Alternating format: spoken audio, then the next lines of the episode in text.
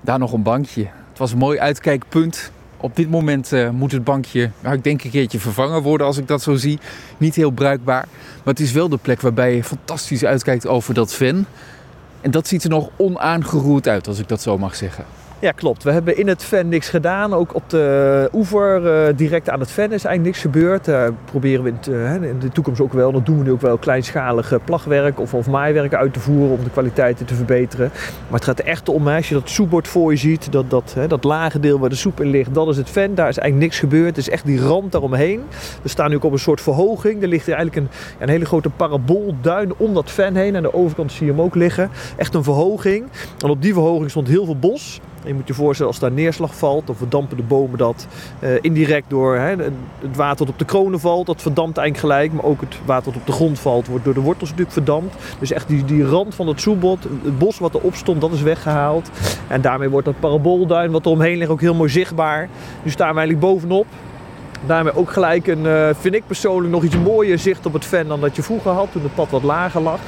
Uh, dus ja, wat dat betreft uh, ja, vind ik, het, uh, vind ik het een hele mooie maatregel. Uh, ondanks dat het nu misschien nog uh, wat rommelig oogt. Helemaal resultaat van het werk wat hier verricht is. Ja. Is het dan zo dat bomen verdwijnen en dat we er op termijn heide voor terugkrijgen op deze plek? Ja, klopt. Er wordt nu geplacht inderdaad ook. Die, die bovenste lagen, hè, dus al die bladeren en dat strooisel, die naalden, et cetera, wordt afgevoerd. Daar zijn ook die keepers nu, nu druk mee. En uiteindelijk moet daar uh, nog heidemaizen over worden uitgereden. Dus we helpen inderdaad de ontwikkeling van de hei ook wel uh, wat extra mee door daar ook uh, wat zaad en, en mais over uit te rijden. Ja, straks krijg je dus een hele mooie overgang van ja, dat ven, de natte vegetatie soorten aan de randen. Met uiteindelijk op die, op die droge kop, hè, op dat paraboolduin hoge, dus de droge heide. Uh, met een mooie populatie adders hier ook in de rand. Dus ja, dat gaat wel een heel mooi, boom, uh, mooi beeld vormen. Nou, als je ziet zijn er best wel solitaire bomen ook blijven staan. En vooral de inlandse eiken langs de randen hier, maar ook daarachter.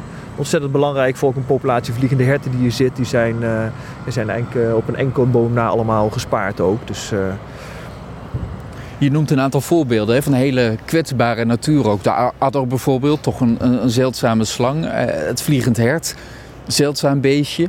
Um, en dan dit soort grootschalig werk. Hoe moeilijk is het om dat samen te laten gaan? Ja, nou dat is best wel lastig. Hè? Je ziet dat op allerlei plekken ook linten hangen. Er zijn allerlei stippen gezet. Dus er zijn ook echt een aantal locaties waar ook gewoon niet over gereden wordt. Omdat dat de winterverblijven zijn van die adders. Dat weten we heel goed van waar die zich ophouden. Ze zitten daar nu onder de grond of onder een stronk, stronk in, hun, in hun winterverblijf eigenlijk. Uh, natuurlijk voer je het werk uit in de minst kwetsbare periode die er is. Hè? De winter. Want de adders slapen bijvoorbeeld? Ja, heel veel reptielen zijn natuurlijk in winterslaap nu. Uh, grondboedende vogels zitten in Afrika. Uh, uh, ja, heel veel uh, libellen, et cetera, hebben ze natuurlijk voortgeplant. Er zitten in de vorm van larven, et cetera, in het ven. Uh, dus ja, dit is gewoon de periode waarin je, als je wil werken, het moet doen. Uh, maar goed, helemaal voorkomen dat je ergens een keer iets van schade aan het is, is ook niet helemaal mogelijk. Maar uiteindelijk je dit natuurlijk voor het voorbestaan van dit ven, alle soorten die er zijn. Dus het is ook noodzakelijk om gewoon in te grijpen in een bepaalde periode van het jaar. En dan is de winter gewoon eigenlijk het beste. Maar goed, je moet je voorstellen dat dit uh, de afgelopen uh, jaar, anderhalf jaar, helemaal voorbereid is door alle ecologen en, en, mensen die met inventarisaties bezig geweest zijn. Waar zitten die soorten? Waar moeten we voorzichtig zijn? Waar moeten we het zo laten zoals het is? En waar kunnen we wel aan, aan de slag en, en, en plaggen? Dus is bijvoorbeeld aan de overkant ook een stuk bos blijven staan, omdat daar bleek dat daar toch een ravenhorst in zat. Hè, een groot nest waar raven hun uh, jongen groot brengen. Dus ja, daar hebben we ook echt een stuk bos weer, weer gespaard gewoon. Dus zo hebben we heel specifiek gekeken van wat kan waar en wat is waar nodig. Ja. Tractoren rijden nu af en aan. Wanneer moet het hier klaar zijn? Um, ik verwacht dat we ergens zo rond 10, 12 december dat uh, het hier hebben helemaal rustig oh, dat is al best snel. Uh, ja, dat is heel snel. Dan zijn eigenlijk alle machines weer vertrokken.